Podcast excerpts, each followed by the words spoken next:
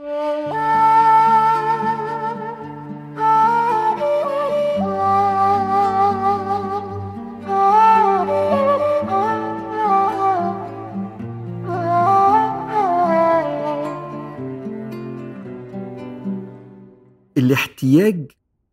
فيه جزء من المذلة ولو بسيط.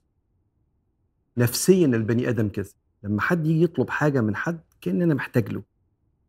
فبيبقى أجمل حاجة إن اللي بيديله الحاجة يديها له بلطف وإكرام. لدرجة إن لما ربنا أنزل القرآن ومن آياته أن خلق لكم من أنفسكم أزواجا لتسكنوا إليها وجعل بينكم مودة ورحمة. قالوا مودة في الطلب ورحمة في العطاء. وأنا بدي حاجة لمراتي هي محتاجاها في سنة كده إن أنا الأكبر أو الأعلى أو هي بتديني حاجة أنا محتاجها اللي بيعطي هو الأعلى فقالك لما تعطي أعطي برحمة مش. بشيء من الاستعلاء كده. فسيدنا النبي عليه الصلاة والسلام لما كان بيشوف حد عنده احتياج كان بيعطي له الاحتياج ده بلطف. هو قصة واحدة عايز أحكيها لك. هم الصحابة عرفوه كده يعطي صاحب الحاجة بلطف فاحبوه سيدنا سلمان الفارسي من فارس بيعبدوا النار وأبوه هو اللي كان مسؤول عن إن تفضل نار المجوس والعة. فكان هو اللي بيولع يعني كأنه هو إيه خادم المعبد. وابنه سلمان. فأبوه كان رايح للضيعة بتاعته البستان بتاعه ياخد باله من حاجة فقال له خد بالك من النار بتاعه المجوس. فطالع سلمان بي من بيته رايح المعبد عدى على راهب في دير يعبد ربنا. فالكلام عجبه قوي. فاتأخر عنده كده شوية كان رجع لأبوه قال له يا أبويا إحنا بنعبد النار إحنا بنقول إيه للنار؟ بنعبدها إزاي ولا؟ التاني بيعبد ربنا بيكلمه هذا دين خير من ديننا. قال لا يا بني. بل ديننا خير من دينه. وقام ربطه بسلاسل في رجليه كده في البيت.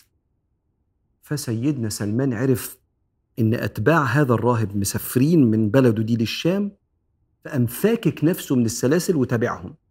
وراح معاهم الشام عاش مع راهب بيعبد ربنا وكان أعلمهم. بيقول فوجدته رجل سوء يطلب من الناس الصدقة فيكنزها لنفسه ولا يعطيها للفقراء. فلما جاء وفاته قلت للناس هذا راهب سوء كان بيعمل كيت وكيت. ففتحوا لقوا الكنز بتاعه.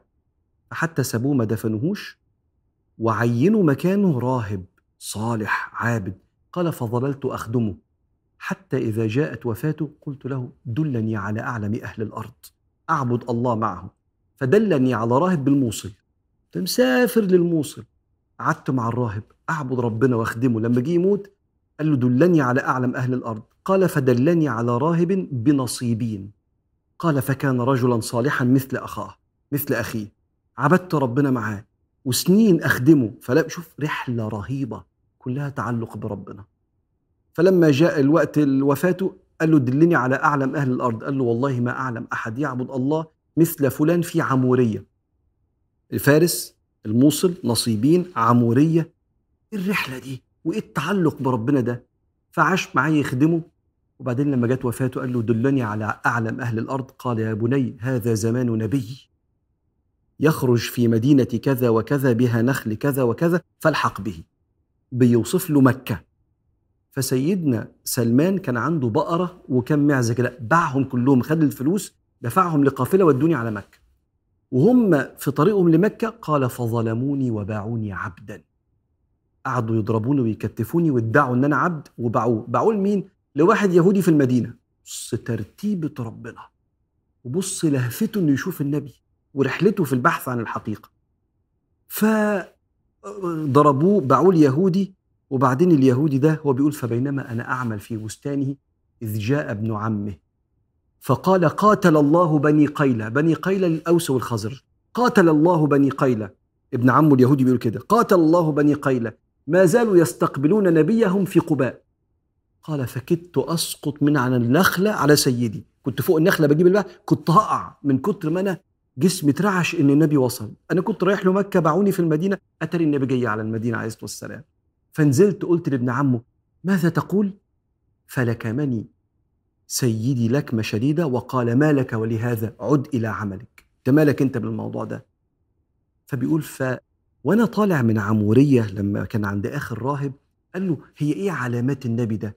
قال له ليه ثلاث علامات. يقبل الهدية لا يقبل الصدقة بين كتفيه خاتم النبوة وحمه كده فيها شعرات بيضاء.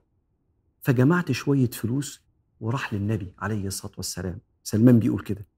قمت قلت له آه أنا معايا فلوس صدقة وأنتوا ناس صالحين فكل من ده. فتركها النبي ونادى أصحابه فأكلوا فقلت هذه واحدة لا يقبل الصدقة. يومين ثلاثة ورحت قلت له أنا معايا فلوس جايبها لك هدية وأكل و... فكلوا. فأكل منها هو وأصحابه فقلت هذه الثانية يقبل الهدية.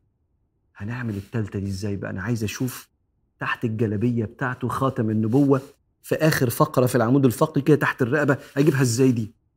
بيقول فبينما رسول الله يرجع من جنازة في المدينة إذ تبعته. فضلت ألف حواليه كده فعرف النبي ما عندي. ده اللي بقول لك عليه بقى. بص لما حد يبقى عنده متوتر وعنده احتياج ومش عارف يقوله فلما رآني عرف ما بي قال فنحى إزاره. قام عامل كده فقمت شايف آه، خاتم النبوة فانكببت على قدم النبي ويده أقبلها أشهد أنك رسول الله أشهد أنك رسول الله. عارف إحنا ممكن نعمل إيه في مشهد زي ده؟ لو شايفه بيلف كده له إيه عايز إيه يا سيدي؟ ما تقول عمال تلف كده من الصبح. عارف أنت الطريقة دي؟ فيبقى اللي عنده احتياج يتكسف أكتر. سيدنا النبي حس بيه عمل. له فقال له يا رسول الله أنا عبد عند واحد يهودي. قال له طب روح كاتب. كاتب يعني اتفق معاه على مبلغ تدفعه يحررك. راح اليهودي اليهودي قال له عايز 300 نخلة.